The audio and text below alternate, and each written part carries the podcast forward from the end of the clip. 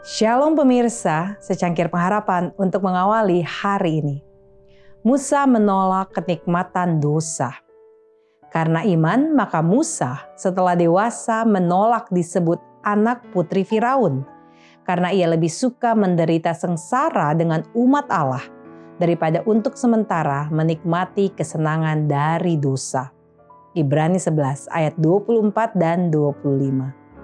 Kepada Musa ditawarkan istana Firaun dan takhta kerajaan.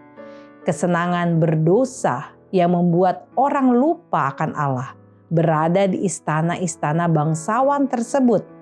Dan gantinya ia memilih harta yang tetap dan keadilan.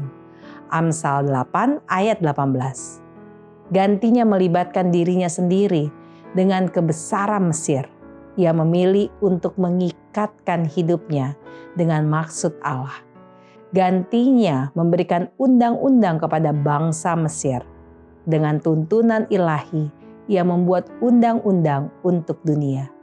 Ia menjadi perkakas Allah dalam memberikan kepada manusia prinsip-prinsip tersebut yang merupakan pelindung bagi rumah tangga dan masyarakat yang menjadi batu penjuru kemakmuran bangsa.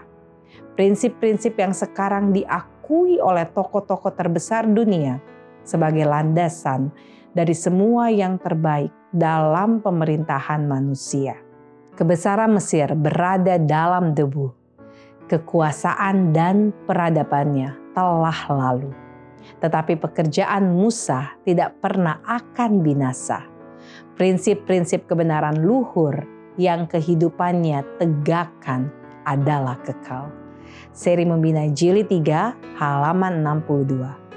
Semua orang yang akan berpaling dari kesenangan dunia dan bersama Musa memilih untuk menderita penderitaan dengan umat Allah daripada menikmati kesenangan dosa selama satu musim menganggap penghinaan Kristus sebagai kekayaan yang lebih besar daripada harta dunia, akan bersama Musa yang setia menerima mahkota keabadian yang tidak pudar dan kemuliaan yang jauh lebih besar dan kekal.